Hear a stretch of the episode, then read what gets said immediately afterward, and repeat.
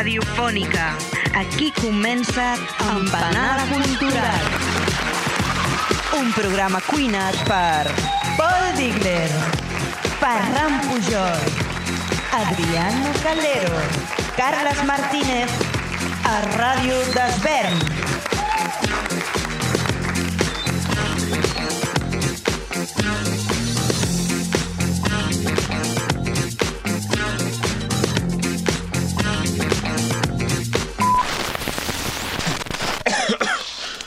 Nois, um, recordeu la setmana passada que vam fer broma i tot el, tot el que vulgueu sobre el tema dels terraplanistes? Doncs pues, m'han enganxat. M'han enganxat, va venir a casa meva, em van traquejar, perquè sabeu que tenen, que tenen tenen molt de temps lliure, però uh, bàsicament estic aquí tancat a un lloc no sé on, és una mena de magatzem on, on crec que tenen coses per com fan les proves de si la Terra és plana, rodona o el que sigui, per crec que això és una mena de receptor de làsers, però, però bueno, no ho sé.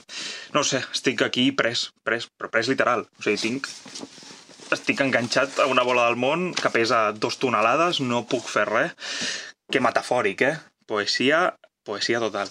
I, i res, m'han deixat aquest mòbil per, perquè us llegeixi les peticions que, que volen per, bueno, pel meu rescat, per, pel meu segrest i per tot plegat. Per cert, mm, no policia, no intenteu trobar-me perquè crec que tenen un conveni amb el Val i tenen tota aquesta casa folrada de, de paper de plata, o sigui, és totalment irrastreable. Uh, bueno, em disposo a llegir el paper que m'han donat uh, sobre les peticions. Uh, aviam, no posa res. Ja sabeu que no saben escriure, però bueno, m'ho he pres de memòria.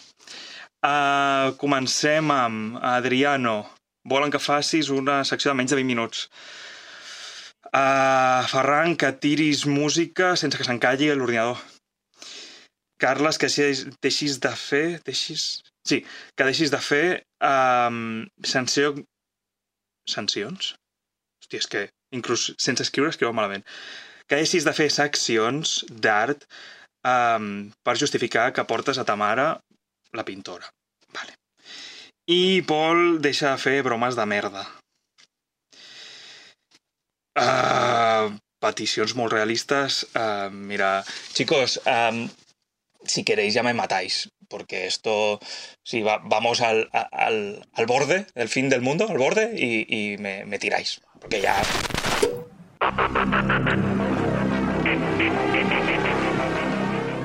好了 Pol, estàs bé? Está en Finisterre, Sí, en el eso fin parece- del mundo. Eso parece, exacto.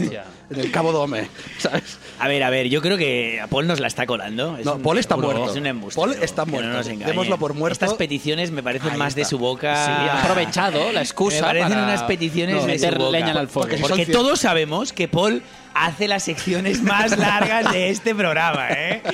Y que Carlas va a traer a su madre sí o sí, peti que peti. Exacte, és que saps què passa, Pol? Passa que era són- una sorpresa, Si esto. són, si són certes aquestes, aquestes peticions, l'Adriano farà 20 minuts, a mi se m'encallarà l'ordinador i ell greu, portarà sa mare, Pol, encantat d'haver-te conegut, greu, greu. perquè ho tens complicat. Diles, diles si acaso que nos compren un ordenador más que nos encalle y ya está. Y yo igual, mira, acabo Sí, hablando exacte, menos. sí, sí. Mira, podríem fer un Patreon a part de totes les Entonces, eh, o sea, Paul, Paul no va a venir ya más en este programa o cómo va? Almenys el- aquesta setmana. Esta semana. Però vale. donat, donades les condicions, jo crec que l'han tirat Esto tiene más pinta, esto tiene pinta de restricciones y, Y- de eh, confinamientos. esto no, lo- los tierraplanistas no serán los mismos que, está- nuevo- que salen por la tele a orden, decir lo que podemos o orden. dejar de hacer. Esos son, esto, lo poderoso. Sí. Però això si el rescaten, perquè si no el rescaten al Pol, Home, si les Eh, condicions són les que ja dic. eh, no sabem quan tornarà. Oye, pues yo creo que hoy es un programa precisamente para eso, ¿no? Para intentar entender cómo rescatar a un compañero, a un compañero de batallas en, en- en- Pues sí. en el cabo de Finisterre perdido. y a partir de ahí Y- rescatar otras cosas. Y nosotros, nosotros además, como no sabemos eh, pensar sin referirnos a un discurso cinematográfico, eh, fílmico en este caso también Sí. tuyo, ¿no? Sí. Un videojuego o un libro, un cómic, vamos a ir allí, ¿no? A intentar Sí, encontrar el, el sentido. De fet, mira, anem, a, anem a recordar les xarxes socials molt ràpid. Sí, amb el flow. te- Tenim YouTube Empanada Cultural, Facebook Empanada Cultural, Twitter Empanada Cultura, sense L, i ens trobareu a Instagram Empanada Cultural i tots els podcasts a Spotify. Que per cert també estem a iTunes, es veu. És que aquí anirem afegint i, i al ja. Patreon... Esto es como el Facebook, ¿no? Sí, Oye, que te he visto, que te he visto Sí. en una foto que te han colado. Yo, pero si no tengo Facebook, no me jodáis. I el Patreon per pagar diners, és a dir, la caixa de solidaritat per rescatar el Pol, no el sabem. Així que, de moment, Nada, Pol... de momento mandarla para, para empanada, que ya veremos cómo utilizarla Exacte. de manera sabia. Doncs avancem cap al menú del dia, nois. Som-hi.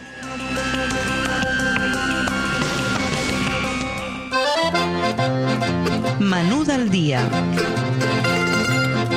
Qui comença avui, nois? Qui comença? Qui comença? Quina? Començo jo amb una secció de menys de 20 minuts. y además, no sé si os habéis dado cuenta, pero yo últimamente estoy en plan, no una de cal y una de arena, no, no, no.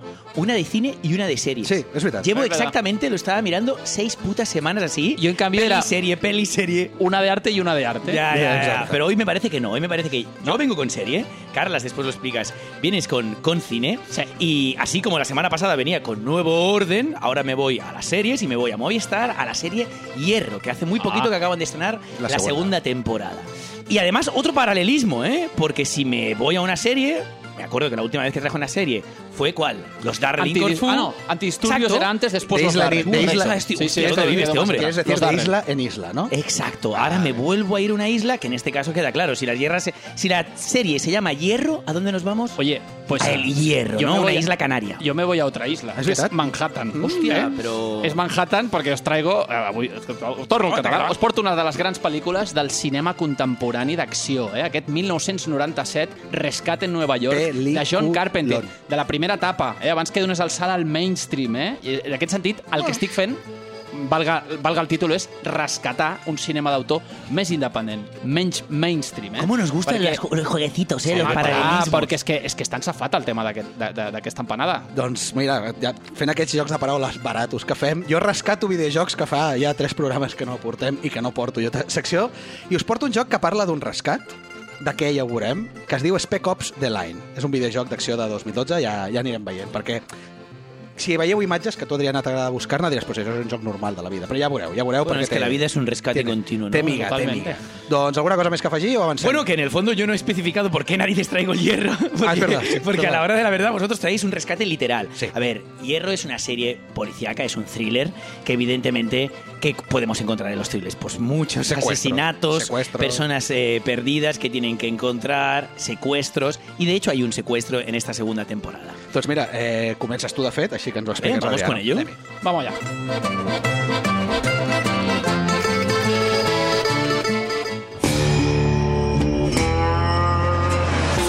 Sèries.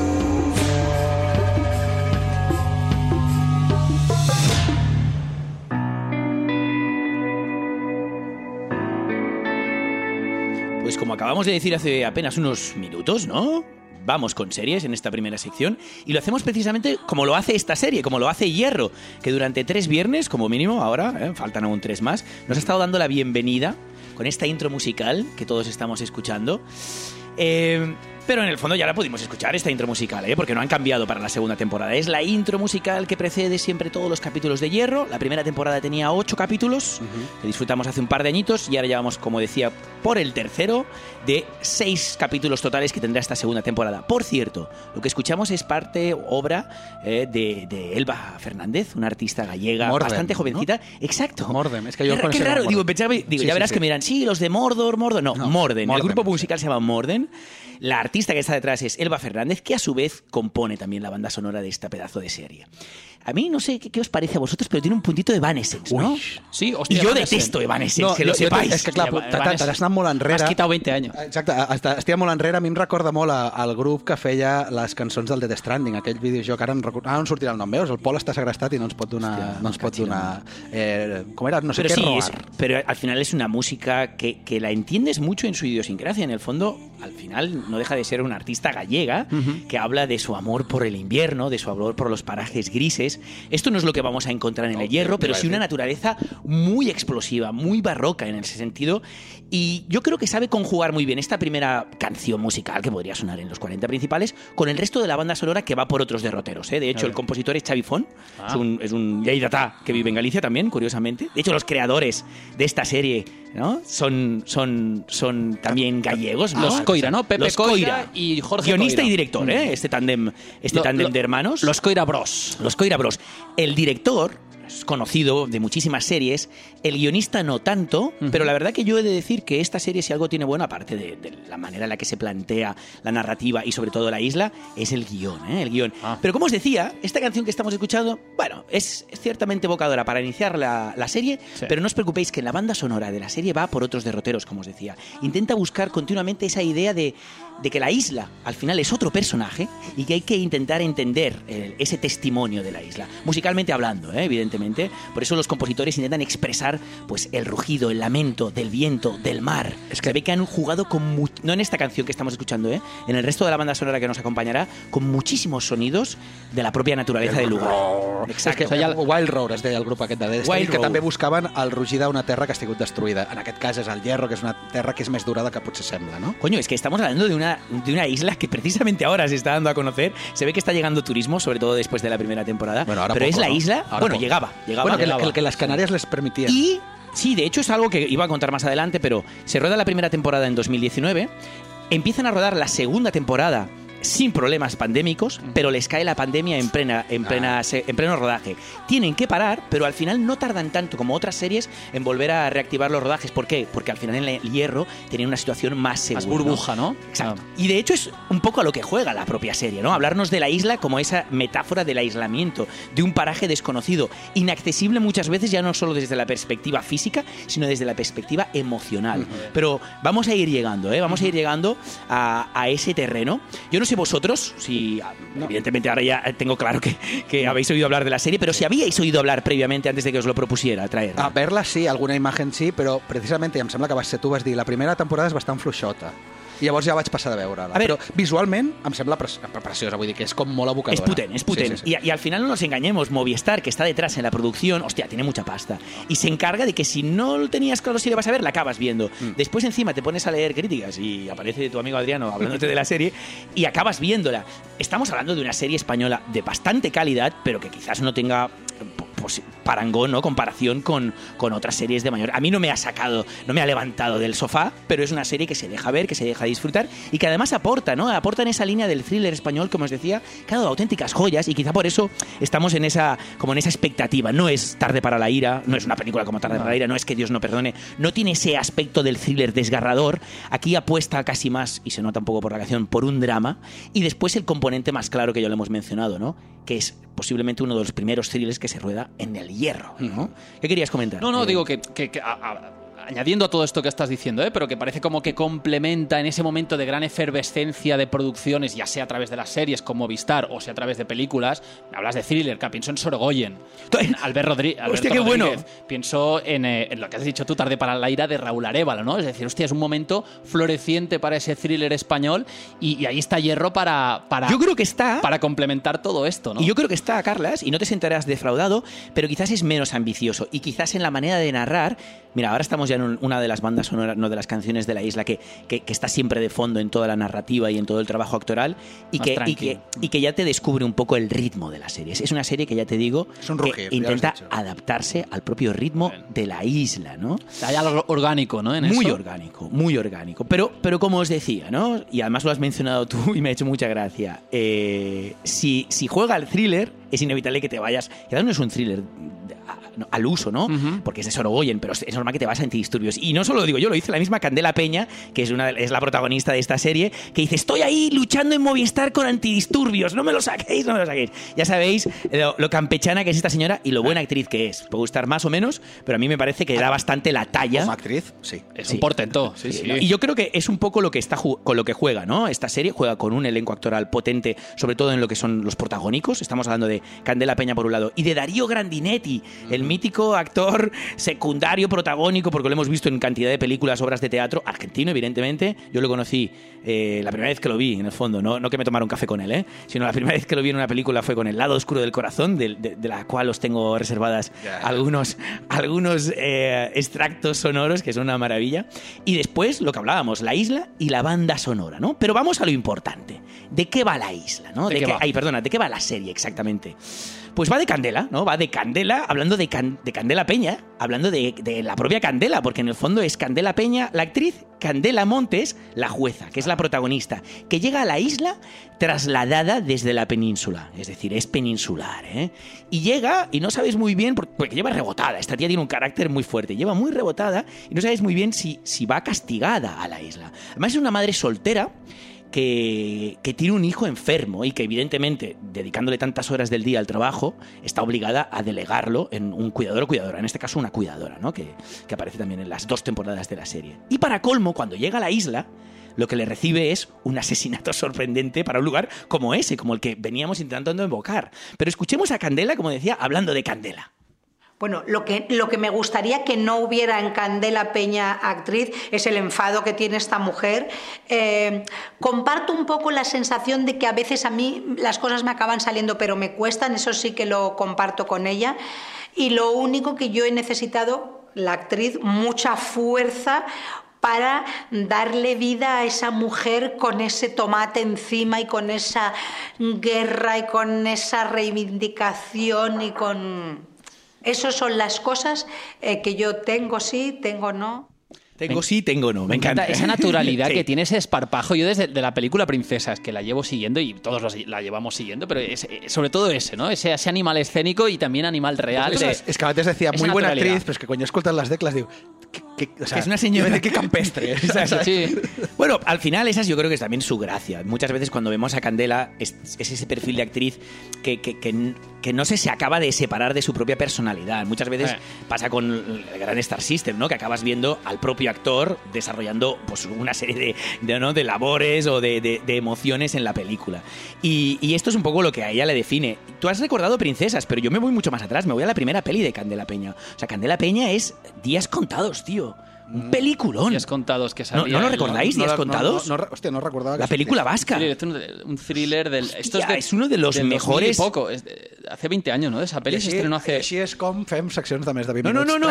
No, no, es una maravilla. No, no, porque pensaba que vosotros lo tendríais muy claro, No, lo no, de días contados, sos que yo. pero es un peliculón de Imanol Uribe A del año 90. 94 que hablaba del conflicto del terrorismo de ETA y que tenía a Carmelo Gómez, que no para mí no era el, el mejor actor del mundo, pero que tenía a Carmelo Gómez en un, en un protagónico. Una pasada de, de película. Y yo la descubrí ahí a Candela Peña, pero evidentemente ahora que tenemos, ¿no? Hace muy poco ha, saca- ha sacado la peli de Iciar Boyaín. Cierto, La, ah, La boda de Rosa, boda. ¿no? O las bodas de Las Rosa. bodas de las Rosa. bodas de Rosa, ¿no?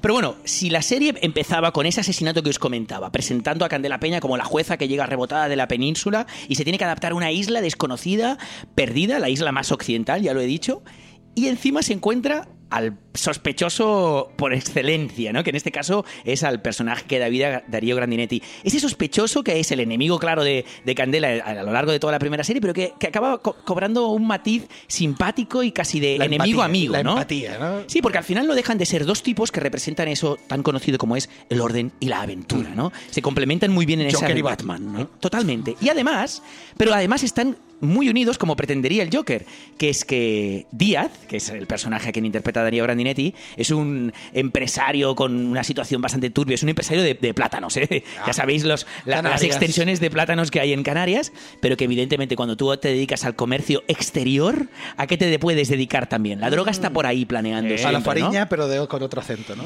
Y, la, guanche. y lo que tiene él para ofrecerle no es que sea fariña a Candela, lo que tiene él para ofrecerle a Candela es un testimonio de alguien que siendo peninsular, siendo godo, porque los canarios, al menos en esa zona, a los godos. peninsulares llaman godos. Y esto además descubre algo, una realidad, y brevemente os lo explico. Como si fueran una- bárbaros. Exacto, no. Bueno, tú lo verías desde la perspectiva del godo, ¿no? Del pero también del conquistador. Sí, sí, no, no. Hablan claramente de los godos del siglo V en España, pero que eran en el fondo conquistadores. Y que en esas islas, en esa época, lo que teníamos eran tribus berbers. O sea, es decir, el origen del canario se podría. de- Bueno, los guanches y todo esto que creo que son más, no son, son de no son de hierro, pero que son todo el tema del idioma que hay por ahí. Que, claro, la, la, La mezcolanza idiomática es inevitable, i ¿no? Que la, I que canari ja no deu existir. Ells deuen dir encara Sí, hablan de, sí. de- de esa esencia berber.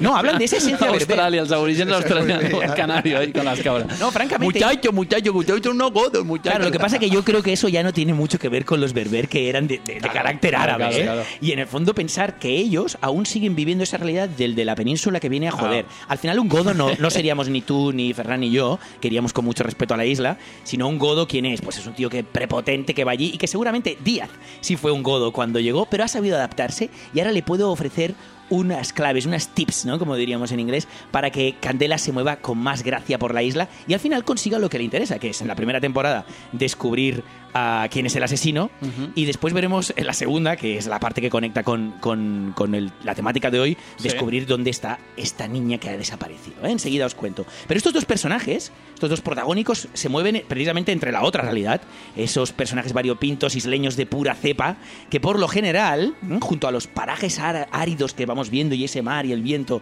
evocado por la música, pues lo que acaban de enfatizar es ese contraste entre la península, ya no, ya no a nivel eh, i- eh, imperial, por así decirlo, o a nivel de conquistas, no, no, un contraste ya físico Claro. y eh, cultural, claramente. Me, ¿no? me llama la atención cuando hablas de ese paisaje árido. Recuerdo una película española también que de algún, un de algún modo le, le destaca un momentito en una película que es Los abrazos rotos de Pedro claro, Almodóvar. claro. Cuando se ve esa obra de, de, mm, César Manrique. Lo que pasa es es que te- Lanzarote. Esto es Lanzarote. Exacto, y te diría Pero hay que esa idea árida, también esa idea árida y de, de ese arte contemporáneo ¿no? en medio de el ese. fin del mundo, Exactamente. eh, esa herencia volcánica. pero Hay al algo final- muy marciano, yo mucho. creo, en ese es que paisaje. paseando por, bueno, paseando o conduciendo por Canarias tienes esa sensación.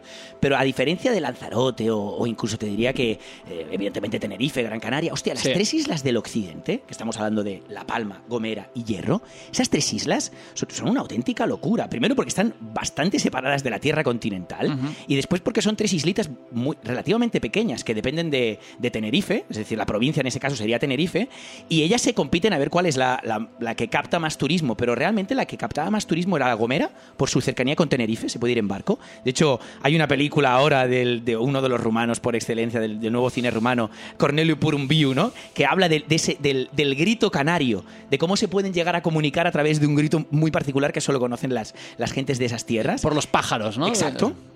Para, exacto, para relacionarse con, con los pájaros. Y después está precisamente La Palma, ¿no? Que es la isla bonita. Es la que se dice que Madonna, cuando cantaba la isla bonita, se refería a La Palma. No ¿no? la de Mallorca? No, no, no era Palma. No, hombre, hostia, y no, y no fastidies, ¿eh? No, no, no, comparar, no, no, yo comparar La Palma con Palma de Mallorca. De hecho, Hierro era la que no tenía como una connotación muy clara porque era la que estaba más despegada de esa realidad canaria en cuanto a ge- geográficamente hablando, ¿no? Y ahora, como os decía, está, está ahí en efervescencia. Tanto es así, tanto es así que ellos ruedan la primera temporada, cuando les hablan de rodar una segunda temporada, lo dice Grandinete y oído varias declaraciones donde todo el mundo casi que firma. Estamos hablando de que muchas veces entre una primera y segunda temporada, quizás el elenco actoral no, pero la ficha artística sí que puede llegar a cambiar. Y parece ser que se lo pasaron también, estuvieron tan a gusto rodando, aunque se, aunque se pueda vivir un cierto mal rollo en este thriller en cuanto a la acción y la narrativa, todo el equipo se decidió a quedar, los que no podían, no podían, evidentemente, y ahí es cuando les, les acontece esa, esa, esa pandemia que hablábamos, pero aún así no ha podido con ellos y han sacado adelante. Pero, ¿qué os parece si oímos más bien a la propia Candela ¿Otra vez? Hablando de, exacto, sí, Claro. esta señora hablando de hierro? Vamos. Estuve cuatro meses viviendo en la isla del... Yo soy herreña, o sea, eh, Hierro se escribió para poder rodar en la isla de El Hierro. No es que sea un personaje más, es que es la verdadera protagonista de la serie. Hay gente del equipo que lo llevó peor, yo lo llevé fantásticamente bien. O sea, yo llegué a ese sitio y sentí que había encontrado mi sitio. ¿eh? Claro, y además eh, es muy importante entender esto. Ella que- se adapta. No, no, exacto, es importante entender porque no nos está diciendo que ha ido al Corfú de los Darrell, bucólico, donde además los Darrell jugaban a algo que es imposible, que es que trasladaban su hogar a la propia isla y hacían que los griegos se adaptaran a su tono british. No, esto no pasa en el hierro. En el hierro las cosas son muy distintas. El hierro manda y eres tú quien te tienes que adaptar. Ya seas un turbio empresario platanero, ya seas una jueza con mucho prestigio, tú tienes que llegar ahí y adaptarse. Y mientras la primera en la primera temporada hablaba de ese asesinato y de cómo el asesino se escondía en una isla y eran incapaces de encontrarlo durante meses. De hecho, la, la candela, o sea, la candela del personaje le daba la sensación de que le estaban continuamente engañando. O sea, es decir, los directores y guionistas consiguen trasladar la esencia de la isla al cluedo. ¿Me entiendes? A asesinato en los Sí, sí, pósteres. sí. Una idea de quién narices ha matado a este tío. ¿Y eso por qué? eso. Porque la isla está. Es, es un aislamiento total. El- una casa tancada, és l'habitació tancada. Claro, el whodunit, ¿no? Lo que llaman el Whodunit, de Christie, la cena de los acusados, pero Totalmente. llevada al gran espacio. Y en cambio, en la segunda temporada, ya Candela se ha adaptado. Ya como dice, yo ya soy una herreña. Y también el personaje. Y el personaje ya se ha adaptado. Ya no es quien recibe consejos de Díaz, es quien se los da a las otras personas que llegan, ¿no? Y en cambio, ya la isla no es un lugar donde, donde esconderse, es un lugar del que te pueden raptar, es un lugar del que te quieres, en el cual te quieres quedar. Porque ¿de qué va el argumento de la segunda temporada? Claramente y rápidamente. Eh, Candela está lidiando con, un, con, un, con una pareja que tiene dos niñas y que están luchando por la custodia. Estamos hablando de una canaria y de un actor que de nuevo representa lo desconocido, representa lo peninsular, el extranjero, Los el godos. invasor. Y además, ¿sabéis quién es? Es el actor de Narcos. ¿Os acordáis de Narcos, la parte del cartel de Cali? Ah. El, el de, el de seguridad, que era un tío que tenía un Sí, español sí, sí, muy sí. particular. Eh, ¿Os acordáis sí, bien sí, de ese tío? no? sí. No recuerdo el nombre. Se llama. Matías Varela, ¿vale? Ah, Matías no, no, Varela. es un tío de padres españoles, pero criado en, en- en los países escandinavos, creo que en Dinamarca. Y el tío hablaba de cómo él ha estado acostumbrando a lidiar con esa imagen de- del inmigrante, que por mucho que tú hayas nacido y crecido en los países nórdicos, a veces es difícil lidiar con esa mirada de superioridad de norte a sur, ¿no? Al final, no- él no- también tiene una apariencia muy, muy latina, ¿no? Y es un tío que al final, donde ha acabado destacando como actor es en producciones hispanas. Claro. Perquè, eh, bueno, si diu que ha lidiat tota la vida sent un immigrant a Allà, nivell no? nòrdic, ara ve a Espanya, que no és el seu país, però pot dir, eh, puedo pasar por un latino, i diu, y me hacen ser el inmigrante de hierro. ¿sabes? Bueno, en Hierro es el cabrón, ¿no? En Hierro es el godo. Este sí que encarna Exacto, el precisamente el inmigrante. godo. Y es quien se quiere llevar a las dos niñas de- que están viviendo con la madre en el Hierro, ¿no? Y se las quiere llevar porque tiene pasta y en la península todo está solucionado. Le acompaña más la abogada, que es una actriz para mí muy floja, que es Aina Clotet. ¿A ti Es te la- parece floja? Me parece flojísima, sí, sí. Es la catalana Aina Clotet que hemos visto en muchísimos lugares.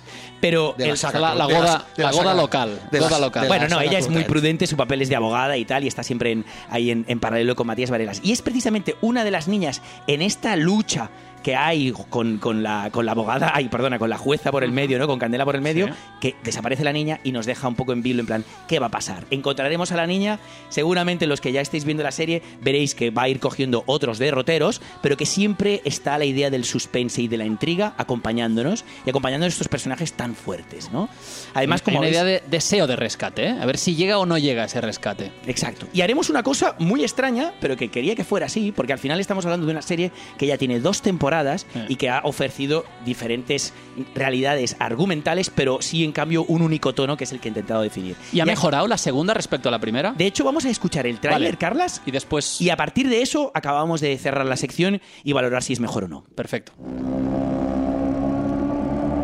Hola, Candela. ¿Te importa que hablemos un momento? Si no es de la custodia de las niñas, encantada. Díaz, es usted un imán para las complicaciones. ¿Qué está pasando, papá? Vine a ver si los convenzo de que no me maten. Vamos a hablar con quien tiene que hablar. Las niñas no están aquí. Anda ya, dile que nos vamos. Me las voy a llevar. Y voy a hacer que se olviden de ti. ¡No me rete! ¿A qué viene todo esto? Una de las niñas ha desaparecido. Tranquilito. Alguien quiere matarla. け止めんかった。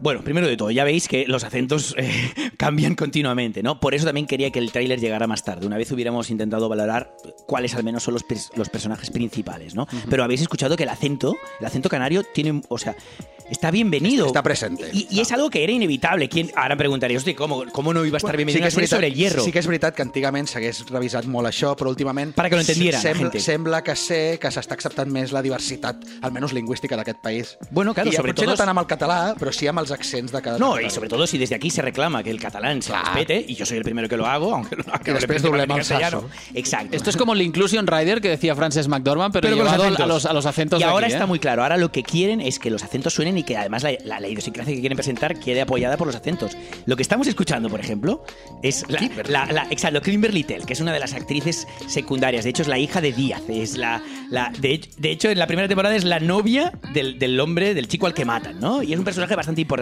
Me parece su interpretación justa, floja. Es cantante. Como cantante, lo hace bastante mejor. Te puede gustar o no el R&B, ¿eh? Pero está ahí. Lo que vengo a decir es que han rescatado toda una serie de artistas de- del, del lugar, grandes actores y actrices, pero también vinculados a otros estilos artísticos como puedan ser la música, ¿no? En el caso de, de Kimberly Tell, pero es que aparece Antonia San Juan. ¿Os acordáis de Antonia San Juan? Antonia no? San Juan, mi mítica tierra de mala malísima. que justo trabajaba con Almodóvar. Exacto. Pero le pega, ¿eh? No, no, hace, hace de mala malísima. Y que creo que salía en el hoyo, ¿eh? En el hoyo tiene un También, papel reservado exacto, que, sí. que y después, es por ejemplo, hay, hay actrices pues, de la zona menos conocidas como Tania Santana, que me ha gustado rescatar una declaración en la que decía trabajar con Candela Peña y Grandinetti es una masterclass con- constante. Y eso es lo que yo le encuentro a la serie serie, y con esto acabaremos, que falla, ¿no? Que deja tan arriba el listón actores como Grandinetti o Candela Peña, el espacio, la música, tiene una factura tan impecable que el trabajo de act- unos actores secundarios deja, incluso te diría que el Matías Varela no está al nivel, ¿eh? Puede haber salido en Narcos y puede tener un empaque para hacer de,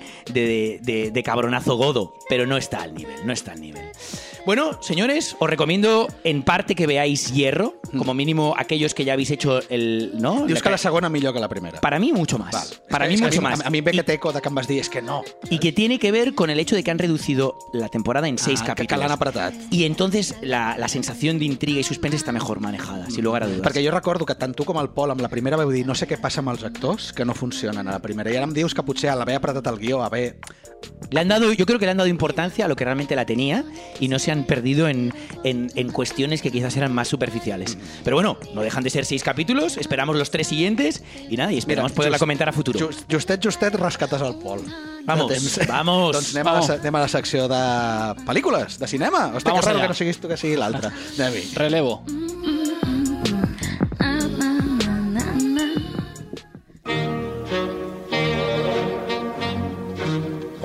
Cinema.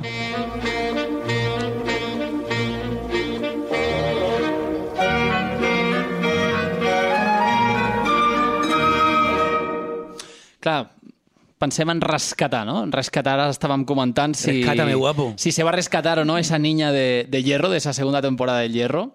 Eh, però clar, si pensem en rescatar a un nivell més ampli, no sé, eh? no sé vosaltres, eh? però a mi el que em ve al cap és la crisi, els bancs, mala praxis ja. política, no?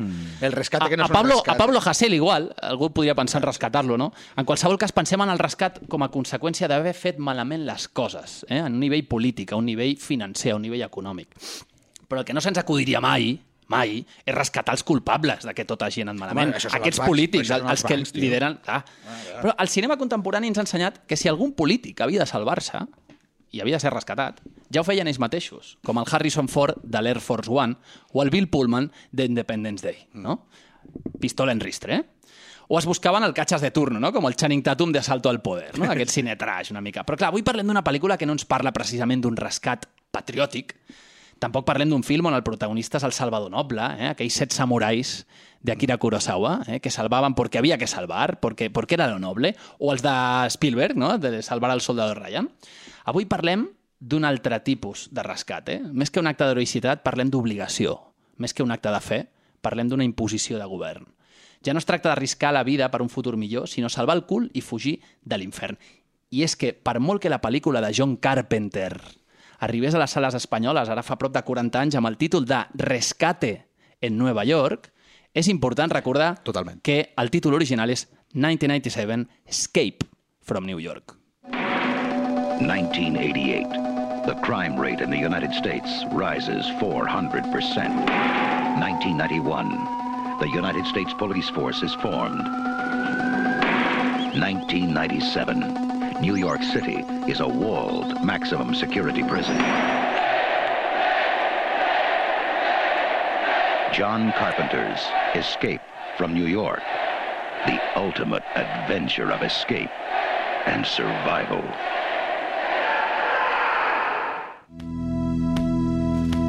Aviam. Yo me he puesto cachondo, que Aviam, què passa? Él también con lo que está sonando. Saps, exacte. Primer, que això és John Carpenter, és un dels meus directors preferits, però s'ha de dir que aquests trailers dels 80, que són un anuncio, que és la, és la, mi és la ressenya que trobes, a meravella. man. que, però explica molt bé quin és el tema. Ciutat, presó, i s'ha de rescatar algú allà dintre o què? Sí, sí, sí. I a Però més és- amb aquests crits que estàvem sentint, que no eren d'aquests carrers que estàvem Sí. veient aquests dies per Barcelona, Sí, sí. però bé podrien ser-ho, eh? Aquest punt de... Hòstia, estem farts ja Sí, i, bueno, una mica farts i estan, ocupem la ciutat. Clar, O sea, estás tra- diciendo que el Manhattan de la época o el que ellos imaginan en un Ay. futuro distópico, ¿no? Porque es una serie, o perdón, es una Ahora- película. Ahora lo explico, Ah, Adi, por favor, por favor. Mira, és a traslada't i traslladem-nos tots al punt de vista dels espectadors, eh? primer de tot dels espectadors que van anar al cine a veure aquesta pel·li l'any 1981 i que, com estàvem escoltant en aquest tràiler, tan xulo, tan de videoclip, tan de l'època, eh, ens està situant en un 1988, eh? quan Clar, tu imagina't, la gent allà al, al 81, quan estava començant l'era Reagan, i li estan parlant de 7 anys vista. Siete años, vale. Llavors, clar, en aquests primers minuts de, de la pel·lícula, Carpenter ens posa en situació eh, i ens ubica en aquest 1988, molt pròxim, a través d'una veu en off i unes imatges topogràfiques de Nova York, i ens està dient, com recordàvem al tràiler, que la tassa de criminalitat ha augmentat al 400%. Eh, una mica com a la França del col·lapso, d'aquesta sèrie que, que obli- recordàvem l'altre no dia. oblidem que, tot i que la, la pel·lícula és del 81, segurament Sí. rodava al 80, però em dona a mi que Carpenter la té la idea dels 70, com era la Nova York dels 70. Exactament, Saps? aquesta violència setantera que ell ha mamat. Sí. Ha mamat Ah, exacte. Doncs perquè la va viure, clar. I llavors ens estem ubicant una mica com en un futur distòpic que vindria després d'això. I tu deies Manhattan, isla, no? Què, què pinta aquí? Clar, ens està, en, aquest, en aquesta pel·lícula, Manhattan, encara avui el nucli financer mundial, s'ha convertit en la única presó de màxima seguretat de tot el país. Ojo a la ironia. S'anomena Liberty Island. Clar, també escoltem en aquesta veu en off, quan comença la pel·lícula, mm, que s'ha construït un mur de més de 15 metres que perimetra, eh, que està envoltant tot Manhattan, de la costa de New Jersey a la costa de Brooklyn. Hostia, esta se la vio Trump seguro. Esta peli es la que cogió Sí, Trump sí, para sí, lo sí. del muro de Ah, México, sí, ¿no? sí, Eh, exactament. És a dir, fàcilment podem pensar soluciona con cárceles. a- en una situació molt present. És una pel·li que, passats aquests 40 anys, segueix molt vigent. Molt vigent. I tant. L'exèrcit ha acampat al voltant d'aquest Manhattan. No hi ha cap tipus de vigilància dins de Manhattan, eh, que és una, presó, anar- és una, ciutat presó. És una anarquia Eh? que queda cerrada, cerrada, si se matan, pues se matan. I en aquesta anarquia impera la llei del més fort. Eh? És a dir, hi ha un... Eh, Hi ha líders. Homo... Lup, lup, lupi, ara no em surt... Eh, El lupi? Homo... Eh, el hombre es un lobo Ah, para el el lupus, hombre. sí, sí, eh? sí, és a dir, de Hobbes. Sí. Eh, Hobbes aquí està molt present. Clar, l'única norma clara Sí, sí, és ja que està, qui entra no no? surt. A partir d'aquí ja ens situem en un present a la pel·lícula, que és aquest 1997, que, que està al, al títol de, de l'obra, i ja ens situem en un context on de sobte sorgeix una situació improbable i una missió impossible. La situació improbable és que uns terroristes han segrestat l'Air Force One i volen provocar un 11S avant la letre, estrellant l'avió contra Nova York per assassinar el president dels Estats Units, interpretat per Donald Pleasance. Però aquest co- aconsegueix sortir disparat de l'avió en una càpsula i va parar en el vell mig de Manhattan. La missió impossible té a veure amb un escollit, l'Snake Pilsen interpretat per aquest Carl Russell, sí. eh? Que és un personatge que d'alguna manera... El actor fetiche ja, como ja és mínimo una de la icona época, pop, ¿no? estamos hablando d'una icona pop, l'heroi sí. xuleta, estètica de Root Boy, De fet, si porta em el per- parxe pirata a l'ull, Mira, de fet, si em permets, eh, és que fixa't si el personatge és important. la jaqueta de cuir de- desgastada, que és eh? Snake Plissken, el nom. Exactament. Snake Plissken, Snake Plissken, inspira, i serpiente. això ho veureu a càmera, inspira això, que és els Metal Gear. Vale? El, el, el Big Boss, diguéssim, ja també porta el parche. Visualment és el mateix, ho deixarem aquí. Perdona Ya que no sabía t'interrompi. cómo... Tenía que meterlos. Però és tenía per- que meterlos. Ah, bueno, pues ¿Has dicho Carrase? Espérate, que te tengo en No, Metal ho dic Gear. perquè, perquè el personatge és no icònic, no, següent. Eh, da- Date cuenta, eh, Adri? Sea, la, importància que tiene esto, perquè, clar, estem parlant d'un personatge que, que ha inspirat moltíssimes pel·lícules. En general, el cine de Carpenter ha inspirat molt, però, com, com està dient el Ferran, aquest videojoc de, Kona, de Konami, Konami. De, i de Hideo Kojima eh, va inspirar el, el gran protagonista de la saga Metal Però Gear. no només físicament, sinó de caràcter, que ara ens descriuràs, m'imagino, el personatge. Exactament. Tornant, com deia, eh, aquest carrasel de rescate en Nova York, o ja passem-li a dir Escape from New York, Escape, important, sisplau, eh? sí. Eh, perquè és un rescat que ell no ha triat, que ell no vol fer, que li ha estat imposat. Ell és l'únic capaç de rescatar aquest president dels Estats Units.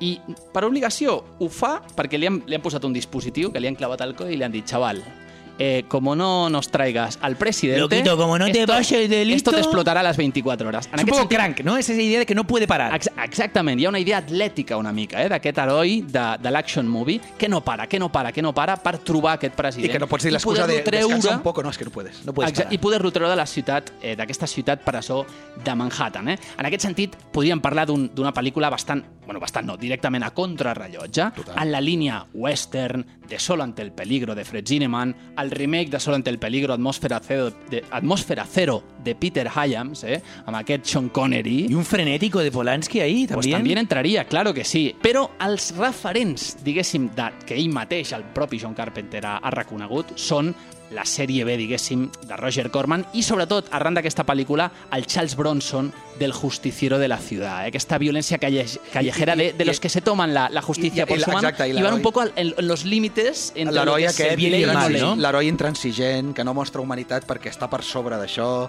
que és fred perquè la vida le ha, le ha hecho así, ¿no? Ell, Pliskin, és un heroi reluctant, és, una, és un heroi que li diuen, sí, tú eras el mejor soldado y por eso lo vas a hacer. Diu, ya, pero yo ya lo he dejado. Dice, no, no, bomba, tienes que hacerlo. Exactament. Dice, ah, vaya, con esta mierda, ¿no? ya estaba fuera, me han vuelto a meter dentro. Una Clar, miqueta. i, i tornant una mica a aquesta història que us estava explicant, ell, el Lee Van Cleef, en la, en aquest alcaide, el alcaide Hawk de, de Manhattan, li encomana la missió i li diu, tio, tu ens has de treure aquest president. Però crida molt l'atenció que en aquesta presó de Manhattan, que està tota perimetrada, on no pots entrar i si entres no surts, la manera en la que ell accedirà és a través de la torre del World Trade Center, eh? com si fos la, la, com si l'única forma d'accedir a aquesta ciutat perduda fos precisament el nucli del sistema financer.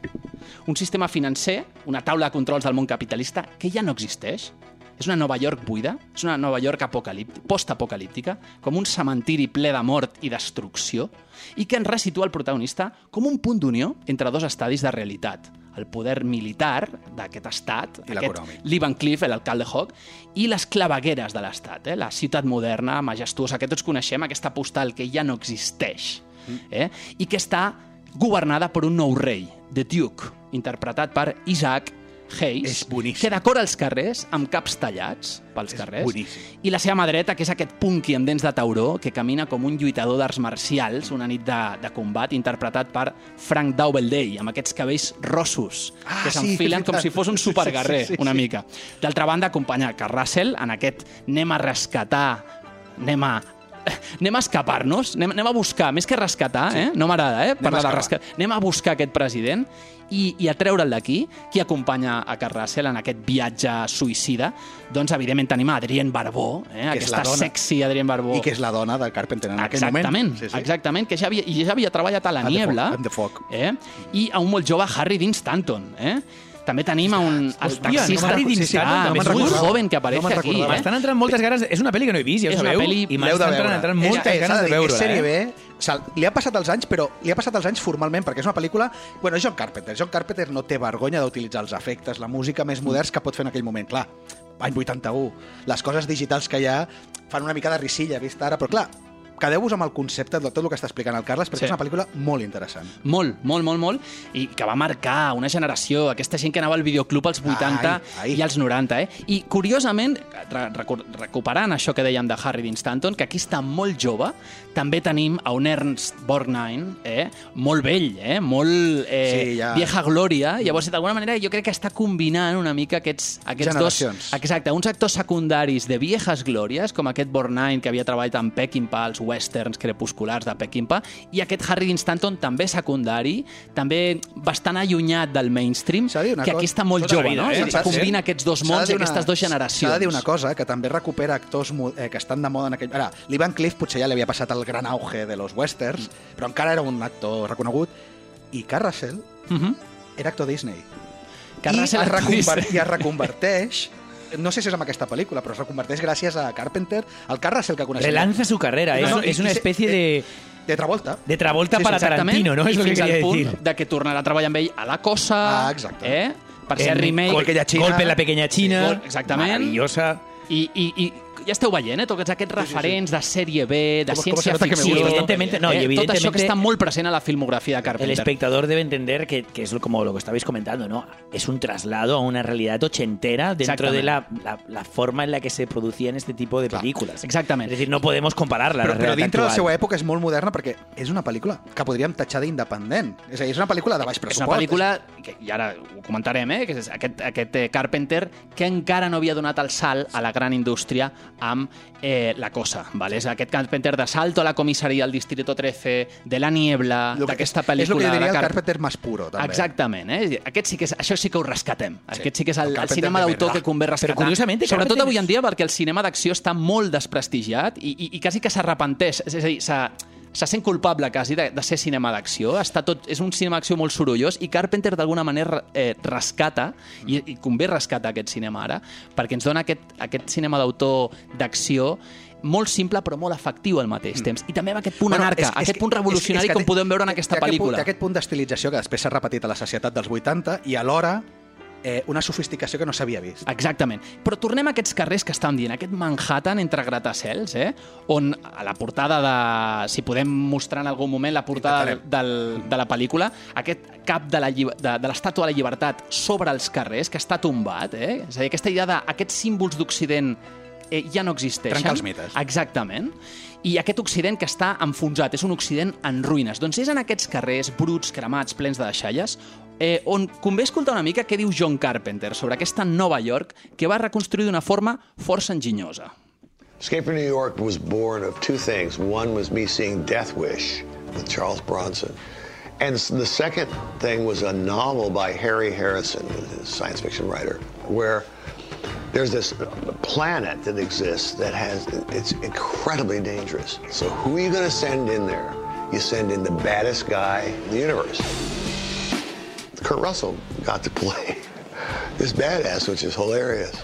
And we got to play around with uh, New York jokes, because I'm not a big fan of New York. I just thought it sucked there. Really sucked. Bueno, aquesta entrevista que eh? té amb Robert Rodríguez, eh, que podeu veure a YouTube, i on diu Nova York és una merda. Sacs. Ho està dient, no és el Sí, sí. Nova York de que Postal, el que dèiem de Woody abans, Allen. El que dèiem No, aquella no, no. Nova York dels 70 que havia... Que, Warrior, que, la, no? que la droga, exacte, que la droga havia destrossat i que els governs hiperliberals havien dit "Peh, Exacte, i que funciona molt bé per aquesta distopia sòrdida com a curiositat. Eh? Per què he posat aquest fragment? Doncs perquè hi ha una curiositat molt interessant de cara al rodatge d'aquesta pel·lícula que, evidentment, no es va gravar a Nova York, eh? sinó a la ciutat de St. Louis, a l'estat de Missouri, poc després d'un gran incendi que va arrasar edificis Sí, sencers. "No lo toquéis, Clar, no lo això, toquéis". Eh, no lo toquéis, i además tenia la llibertat de poder gravar en aquests llocs amb total llibertat. Eh?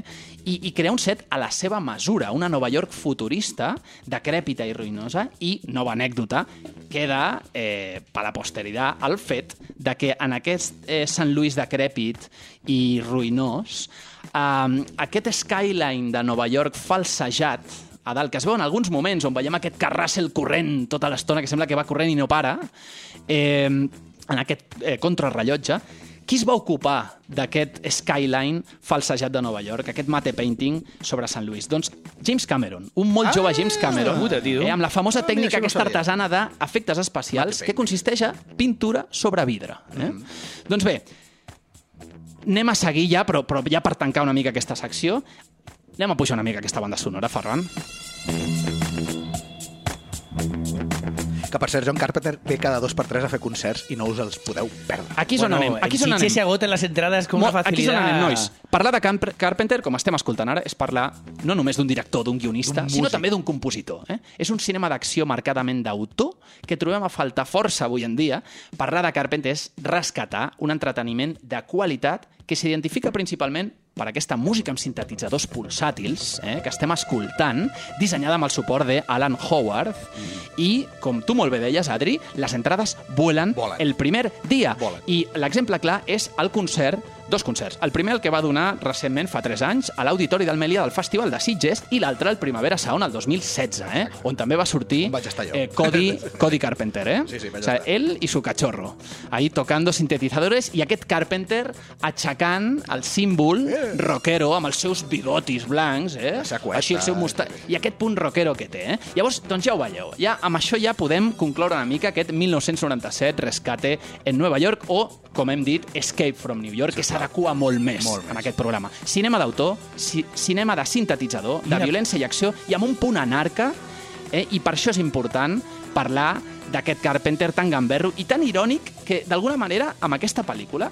eh, destapa les misèries polítiques i del sistema des del punt de vista del marginat, d'aquest antiheroi Les que, que, que, que interpreta Carl Russell amb Snake aquest Plissken. Snake Pli- Plissken. Eh? Pliskin. Yo me quedo con el hecho de que un rescate y una escapatoria son exactamente lo mismo, ¿no? Todo depende del punto de vista y de dónde te encuentres. Totalmente, son eh, Entiendo que la película de una misma transcurre moneda. mucho más en la realidad de escape que la Bueno, realidad es que de el tema, rescate. el tema es Por que eso él- cambia él- la... a él- A él le diuen, vas a rescatar, y un cop a- Lo que tienes es que escapar. Diu, me tengo que ir de aquí. Claro. O frases tan buenas como tienes que ir a, rascar, a, a rescatar el presidente. Y él dice, ¿el presidente de qué? Si ja no hi país per a presidir. Eh? O sigui, en aquest sentit, aquest punt anarca del cinema d'acció que tant seria bo que els directors d'acció i les directores d'acció poguessin rescatar avui en Ahora dia. les habla, ¿eh? Directamente a ellos. Sí, sí, és que és important. Pues, Están ahí, están ahí, Tanquem ¿eh? ja amb una frase que ja no només resumeix el que és Snake Plissken, sinó també tota la filmografia de Carpenter.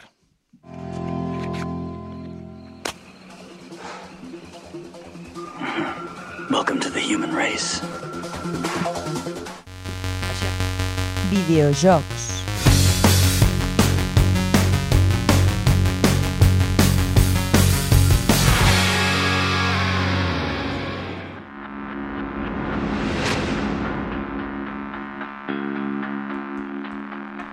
Tancarem aquest programa sobre rescats i segrestos amb un videojoc que precisament ens parla d'això, d'un rescat militar en una ciutat en guerra. S'assembla bastant, eh, el que estàvem parlant ara. Spec Ops The Line. Spec, Ops- eh, Spec Ops The Line és un videojoc de 2012 de Jaeger Development i 2K, o sigui, 2K Games, i va sortir per PC, PlayStation 3 i Xbox 360. Es tracta d'un shooter militar, eh? tiros, o sigui, un, un joc militar, eh? en tercera persona. A descargar adrenalina. Exacte. Que, que es posa en tercera persona i hi posa èmfasi en les tàctiques d'equip. Tu vas amb dos companys, eh? Tu controles el capità Martin Walker i amb ell dones ordres a aquests dos companys d'equip a l'hora d'enfrontar-te als enemics que apareixin. Així d'entrada, sembla un mes d'aquests shooters militars tàctics que van inundar la generació de la primera i segona dècada del 2020, no? Aquests Call of Duty, aquests És Battlefields, no? viciada bona, eh? Sí, sí, de fet, totes les decisions tan artístiques com jugables dels desenvolupadors semblen voler fer exactament això, una mena de calc estereotípic del gènere. Està bé. Ho ambienten a Dubai, una Dubai inventada, tot sigui dit, aquesta ciutat tan moderna enmig d'un desert. Així poden recordar-nos també aquesta falera antiislamista i guerra del terror contra el terror que els yanquis ens van marcar foc en el nostre subconscient i que hem vist mil, mil cops replicades precisament a tots aquests jocs, els Call of Duty, Battlefields i inclús la saga Spec Ops The Line, que ja ve d'abans, també anava en aquesta línia. Està bé. Però alhora hi ha una ciutat espectacular, moderna, atrapada entre les dunes, recordant també així el terror domèstic i urbà. El xoc de cultures que tant, ens, inter- que tant li interessa aquesta màquina de guerra americana queda bastant clara. I també les seves mecàniques, eh, un tant arcaiques ja en el moment en què va sortir el joc, semblen destinades a aquest calc inequívoc del que parlàvem. Hi ha cobertures semiautomàtiques, càmera sobre l'espatlla, arma curta i llarga, granades i comandaments d'ordres molt simples. La veritat, us he de dir, és que Spec Ops The Line resulta tan familiar Mhm. com intrascendent a nivell jugable. Però llavors, un moment, Ferran. No? Aviam, aviam. Escolta'm, escolta'm. Escolta, Torres, eh? Dit tot això, què fa llavors de Spec Ops The Line un joc digne de portar a empanada cultural?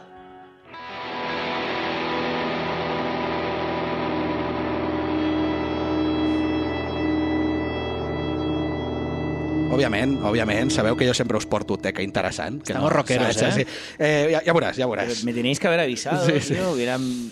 I és que el joc, el joc utilitza aquest terreny tradicional, manit i repetit fins la sacietat per, sen, per fer-te sentir còmode el, com a jugador perquè tu has despistat, dius, hòstia, mira, un joc com aquests que jugo, no? I després, bàsicament, el que fa és t'estira l'estora de sota els peus d'una tacada. Argumentalment, també comença com milers d'històries promilitaristes, inclús ho hem vist això, el Rescate Nova York, que també sembla que comença, que rescatar el president, i després va cap a una altra banda, no? Molt més irònic. Exacte. On el nostre equip va al rescat del general llegendari desaparegut a Dubai mentre lluitava contra la insurgència reaccionària. Però i si us dic que el nom d'aquest general que hem de rescatar és John Conrad? Potser ja us comença Ui, ui, ui, a, sa- ui, ui. a veure cap on anem, no? Vaja, tornem un moment a la ciutat de Dubai que se'ns presenta arrasada per grans dunes de sorra, per grans tem- tempestes, de fet, de so- de sorra. En teoria, el govern local va demanar l'evacuació de la població, però una part d'aquestes va aixecar en armes aprofitant el moment per fer un cop d'estat. I el general Conrad va anar allà amb la, amb la seva divisió, per voluntat pròpia, amb ganes de donar un cop de mà. O això és el que creiem d'entrada. Missatges pels altaveus, escenes que ens trobem i diàlegs que sentim ens fan veure que res del que passa allà dintre es correspon amb la versió oficial que s'ha donat bona al món exterior. De fet, acabem trobant membres de la divisió de Conrad i no és que precisament ens rebin amb els braços oberts. Els nostres protagonistes sospiten d'un acte d'insurrecció d'una part d'aquesta divisió i segueixen avançant per intentar trobar aquest llegendari general amb l'esperança de que pugui donar alguna mena d'explicació a la situació. Però els embolics continuen, eh? Els embolics es van fent cada cop més grossos. Uh -huh. Ja cap al trajecte coneixerem altres membres que també s'han infiltrat a la ciutat, que resulten ser membres de la CIA, que els expliquen als nostres personatges que Conrad ha perdut el control i s'ha alçat en armes per reclamar la ciutat per si mateix. I jo crec que ara ja ho teniu bastant clar de què estem parlant, no? Òbviament, aquest joc, sota l'aparença de shooter propagandístic, en realitat amaga una relectura del celebrat llibre El cor de les tenebres de Joseph Conrad, Clásico. I adaptat, com sabeu, a la nostra estimada pel·lícula Apocalipsis Now, Adriano. Bueno, nos cuenta exactamente lo que no hemos visto, lo que necesitábamos saber antes de llegar con a ver a nuestro querido Brando. Eh, ¿No? Estamos. Tengo la sensación, por lo que contabas en el juego, que nos hace vivir. Us he resumit tot perquè tu ho vas descobrint a poc a poc, però tampoc us he explicat tot, eh? ja veureu, perquè encara hi ha més cosetes amagades en aquesta, en aquesta revisió de lo que és clarament una, inspira una inspiració en el llibre de, de I és un molt bon Conrad. complement a tot això. Totalment. I aquesta pel·li, aquests anys 70, ja no estem tornant, eh, Ferran? O sigui, aquests anys 70 tan ines- d'inestabilitat política. A veure, el joc està ambientat en una mena de 2020, però bueno, no, no, no sé l'any, eh? però vull dir que és futurista re actual, no? allò de que diguéssim és una realitat alternativa una miqueta més tecnològica, podríem dir.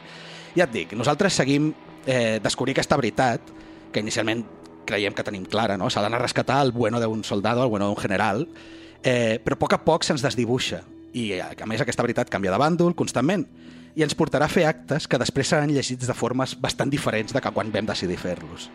Seguim ordres, som soldats, això és cert, però quines ordres seguim? I amb això el joc fa una deconstrucció ja no només del gènere, sinó del món dels videojocs que feia molts anys que no veiem.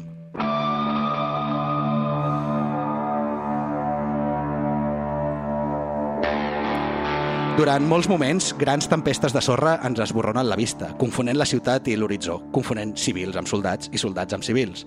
La metàfora s'accentua un cop ens fixem en com el nostre personatge va demacrant-se, va tenir ferides, sang, a mesura que, que, que, que avancem més i a més cometem més actes de dubtosa racionalitat, ja no diré ètica, sinó racionalitat. Eh?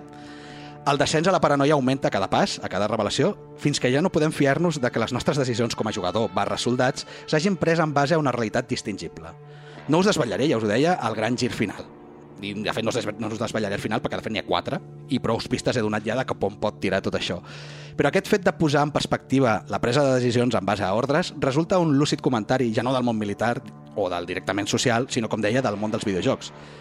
Clarament et convida a complir missions. Destrueix aquest assentament, assassina el suposat segrestador, llança un atac de fòsfor a una base de soldats rebels... Mm, que com a jugador acostumat a creure't i empoderat i a creure que tens la raó, dius, eh, pues vale, que hay que hacer esto, pues lo hago, no? I després, quan el joc et demostra que la guerra és lletja, que disfrutes de complir amb efectivitat aquestes ordres que et permeten avançar, és quan entens que ets un autòmata. Aquesta disjuntiva de jugador com a empoderat barra jugador com a marioneta ja la vam explorar, no sé si ho recordes, Adriano, perquè va anar molt ràpid amb el Bioshock, aquesta saga de, de Rapture, que era distòpica també, en el seu dia. I també hi ha hagut molts jocs eh, que han tractat aquest tema, però mai havia resultat tan punyent ni tan incòmode com Spec Ops The Line. Cert és que utilitza la limitació eh, de la programació per fer veure que no hi ha una altra opció, no? És a dir, et diuen, ah, és que com a jugador podries haver tomat otra decisió. No, realment no, si no el joc no avança, no? Però vaja, utilitza amb, una, amb aquesta direcció de fer-te pensar. En quan comences a fixar-se en els petits detalls, ah, com per exemple el, el menú, ja sona l'himne americà del Jimi Hendrix, aquest himne distorsionat, Hòstia, desencantat, de, de no és todo oro lo que reluce, no? O la bandera mateixa que apareix girada molt sovint, la bandera americana. O sigui, la crítica al, al, al, al al país, sistema, a la sí. nació, al Exacte, sistema és evident. exacte. Allà. És a dir, s'amaga darrere d'un aparent shooter propagandístic és tota una crítica, eh? Està bé. El fet que cada, cada cop que mors, a més, en comptes de sortir un consell típic dels videojocs, has muerto, intenta curar-te antes de no sé què, no? El típic consell, el que et posa són frases desmoralitzants, com per exemple, si fossis més bona persona no estaries aquí. O els Estats Units no valen les morts civils, però això no és real, oi que no t'importa? Aquesta hamburguesa amb patates de McDonald's tan prototípica que dèiem al principi, no? aquest joc que sembla tan evident, que amaga ingredients per replantejar-te el que menges, per què ho menges i per què d'aquesta forma. Bàsicament, et segresten amb l'olor familiar d'un entreteniment banal i maniqueu i piques perquè ets dèbil. I un cop a dins et fan reflexionar sobre per què aquesta forma d'entreteniment ha arribat al punt de ser tan estàndard i els horrors que realment amaga tenir aquest procedir per la vida és en la part del rescat que et fa i t'intenta fer el joc. No, aquesta, és que aquesta frase jo me'n recordo jugar-lo. I la frase de si fossis més bona persona no estaries aquí, clar, es tradueix amb si no et molés matar penya o, fer, o creure't que mates penya no estaries jugant a aquest joc. Lo És que com, pasa que- "Uh, tío! A- Ahora mismo me hace gracia porque me recuerda el programa de la semana pasada que hablábamos de Haneke y de cómo él de alguna manera te hace morder ¿no? el, el placer de la sangre para después decirte, ah, mal, no lo hace como Tarantino, ¿no? que te permite reírte hasta el final. Pero, pero eh, a la vez también hay una idea como la que podíamos ver en Black Mirror, ¿no? con aquellos tipos que eran auténticos, aqu- auténticas víctimas de la guerra. No sé si Ah, els soldats, els dos, eh, però aquell episodi era bastant fluixet perquè es perdia molt la metàfora Mhm. amb un tema d'addicció, em sembla que perquè era com una guerra virtual que en realitat era real, que és una miqueta juego de Ender. Pero bueno, lo que quería decir así Sí, brevemente es que simplemente, ah, y, y esto también conectaba un poco con esas críticas que se hace a veces, cuando hay violencia se critica la violencia, pero es que si no te la hacen sentir, si no te la hacen sufrir, no te puedes volver crítico. Entonces es interesante que te hagan matar Te empujan, para darte te cuenta de, empujan, oye, mira lo que estás haciendo. empujan. Pero aún así te alimenta también esa idea, porque al final no deja de ser un videojuego El, el, un això és el que et dic, que el que se li critica més és el fet de, sí, sí, em vols dir tot això, però m'has obligat i, a veure, ha utilitzat les mecàniques bàsiques de... Hi ha molts jocs que diuen la guerra és muy mala, però luego matar és divertidíssim, és la dissonància ludonarrativa que parlaven, però aquest joc és tan exagerat quan t'ho fa fer que, que, que a, a funciona una miqueta millor, però és la crítica que li pots fer, que al cap i a la fi també ho ha fet. Clar, saps? Exacte. Escolta, ens queda un minutet, anem a fer la despedida de programa d'una hora per la ràdio Vale, i després continuem amb llevamos l'agenda. formato una hora, formato dos. Doncs eh, ens teniu a xarxes socials, a Facebook, Empanada Cultural, eh, Twitter, Empanada Cultura sense L, Instagram, Empanada Cultural, trobareu a YouTube Empanada Cultural i a Spotify Empanada Cultural. Aquí deixem a l'agenda d'Esbert. Vinga, fins la setmana que ve. I ara continuem amb l'agenda Coses Noves Ah, que venga, ahora fent, cinco eh? horas Sí. más, hombre, que hemos venido a hablar de cine y videojuegos. Avancem, y de mi libro. al, avancem a, al, man- al, a l'agenda, no? Nois? Agenda.